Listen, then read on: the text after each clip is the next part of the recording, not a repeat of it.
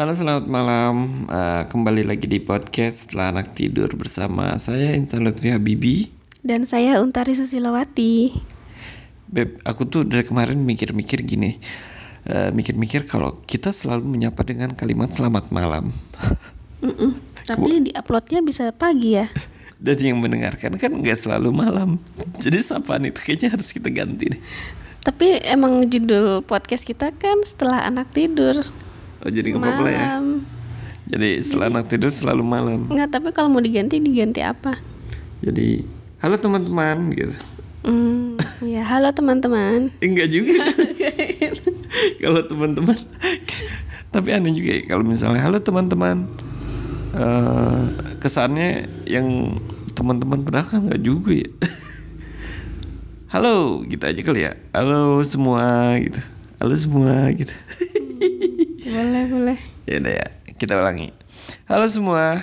Kembali lagi bersama kami di podcast Setelah Anak Tidur Bersama saya Insan Lutfi Habibi Dan saya Untari Susilawati Oke Ini kita uh, Seperti biasa Disclaimer Bahwa kita bukan ahli uh, Tentang anak kecil gitu ya Tentang ahli parenting bukan Kita juga tidak ada background psikolog. Jadi mm-hmm. apa yang kita bicarakan adalah ber, semua berdasarkan pengalaman kami berdua, bukan begitu? Betul. Kita juga orang tua baru ya. Hmm, Semua orang juga bakal jadi orang tua baru. Betul. Cum, ya begitulah. Pokoknya intinya ya, ini berdasarkan uh, pengalaman kita berdua aja. Mm. Buk, bukan bentuk kes kesok tahuan kita. Tapi kita pengen berbagi aja gitu. Ya yeah. oke okay, udah dua menit nih basa-basi. Biar makin panjang podcastnya. Oke okay, podcastnya ya panjang ya. Uh, malam ini kita mau ngomongin apa? Tentang gaya MPASI anak. MPASI itu apa sih beb apa ya singkatan dari apa ya? Gimana? Enggak aku ingat aku ingat. Tenang aja. Aku tahu keterbatasan kecerdasan kamu beb jadi aku akan kayaknya udah mentok. Iya udah mentok. Udah nggak ingat lagi apa ya? Ya ampun ini nih. Ibu macam apa yang nggak ngerti teori tentang pengasuhan. Apa coba singkatan dari apa? Aku tahu. Kalau aku tahu kamu mau ngasih apa? Hmm. ngasih anak. Hei nanti. Oke. okay. Uh, eh, itu apa? Tadi apa pertanyaannya apa sih? MPASI. Oh, MPASI itu adalah makanan pendamping air susu ibu. Yeah. makanan pendamping ASI. Iya, iya, iya. Aku jadi inget ya tadi kita ini ya uh, mau ngobrolin tentang MPASI. Soalnya gini, kenapa aku pengen ngomongin ini? Karena hari ini tuh hmm, pada hari ini aku melihat bukan Enggak, maksudnya bukan hari ini banget ya. Maksudnya pada saat inilah, pada saat ini ketika anak kita udah beranjak lumayan gede di umur yang satu mau tujuh tahun. Yang satu enam tahun, yang kedua enam tahun. Eh, yang kedua lima tahun, lima lima tahun. Kamu, Baru dua udah. Kamu bener ibu jangan sih? bener lah. Empat tahun sama enam tahun gitu ya. Mereka tuh karakter untuk makannya beda banget tuh. Kalau si Hasya kan uh, lebih makan semuanya lah ya dia suka buah dia suka sayur suka banget sama buah suka banget nggak milih-milih kalau soal buah. Sangat tidak pilih-pilih. Sedangkan si Kenzi itu agak pilih-pilih. Dia nggak terlalu suka buah ya. Nah, menurut aku ini ada hubungannya ketika pertama kali si kedua anak ini dapat uh, makanan padat. MPASI itu makanan pendamping ASI itu. Kamu kan seingat aku ya kamu memperlakukan keduanya agak berbeda. Bener gak? Ya beda sih bedanya apa beb? waktu Hasya mungkin aku masih telaten tuh waktu Kenji kayaknya udah nggak terlalu disiplin telaten seperti waktu Hasya dulu Hasya tuh kayak gimana sih? waktu Hasya tuh makanannya tuh biasanya aku pisahin kan nasi sayur lauk buah dengan rasa yang benar-benar original nggak ditambahin garam nggak ditambahin gula itu uh, ra masih rajin tuh nyiapin satu-satu. Tiap tiap jenis makanan itu di satu piring yang berbeda. Disuapinya juga masih telaten. Waktu Kenzi itu kayaknya udah nggak kayak gitu deh. Aku camp uh, lebih banyak ya udah deh. Kayaknya campur aja deh biar nggak terlalu repot. Waktu kan karena mungkin kondisinya juga udah repot sama si Hasya ngurusin Hasya terus terbagi apa jadi terbagi gitu. Uh, konsentrasinya sama ngurusin si Kenzi jadi ambil cara yang gampangnya udah gabung aja semua. Dan waktu itu kayaknya aku juga lebih jarang ngasih buah deh apa. Karena ribet kali ya nyiapin satu-satu. Ya udahlah mm, nasi aja. Yang penting ada nasi sayur lauk udah.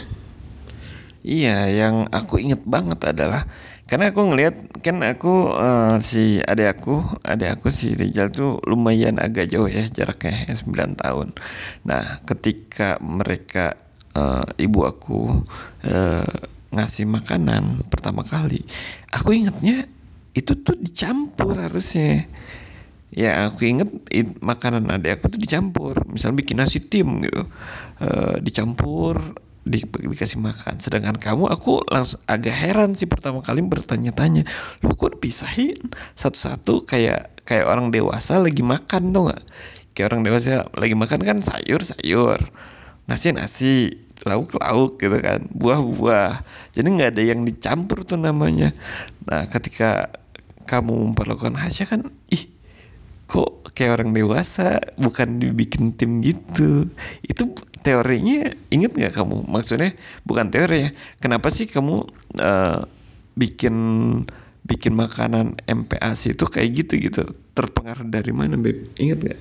Uh, dulu sih kalau nggak salah hmm. aku tuh baca buku dipinjemin sama temen tentang buku MPAC, MPAC lah gitu. Jadi hmm. dia itu eh uh, ngajak isinya tuh kita tuh ngasih MPAS itu makanan dengan rasa yang original gitu nggak dicampur. Jadi kalau makan sayur bayam ya bayam aja gitu. Si anak bisa ngerasain bayam tuh rasanya seperti ini.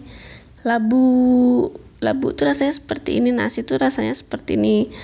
Nanti jadi awal-awal tuh dipisah nanti kelama kelamaan baru tuh kita campur.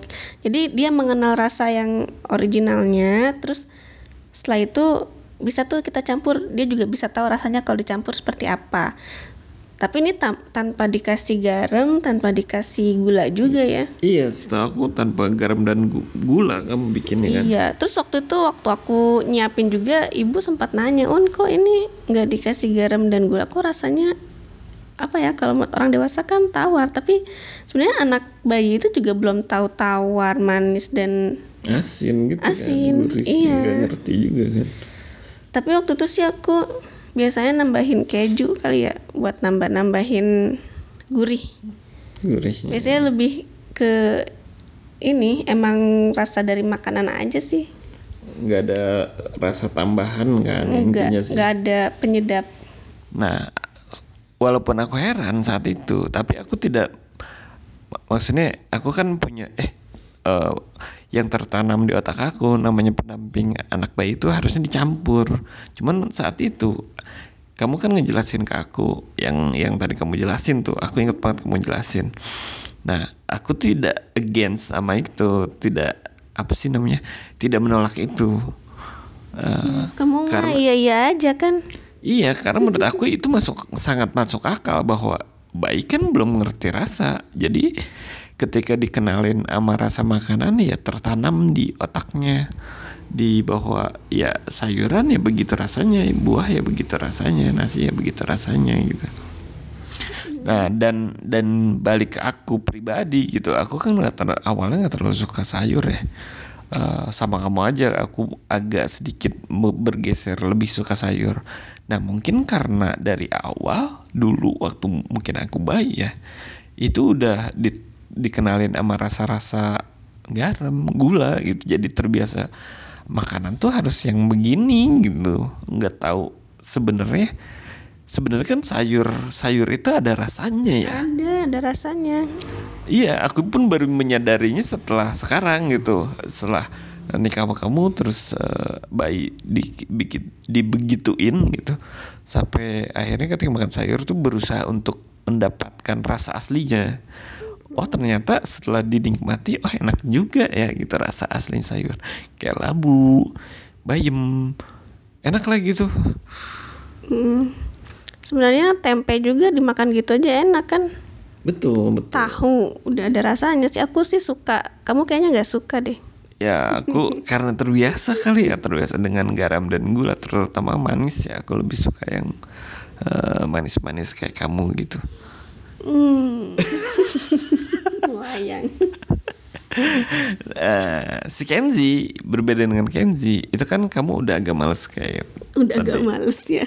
Betul karena repot ya dua Repot, anak dan kita nggak pakai eh, asisten. Tidak ada. babysitter.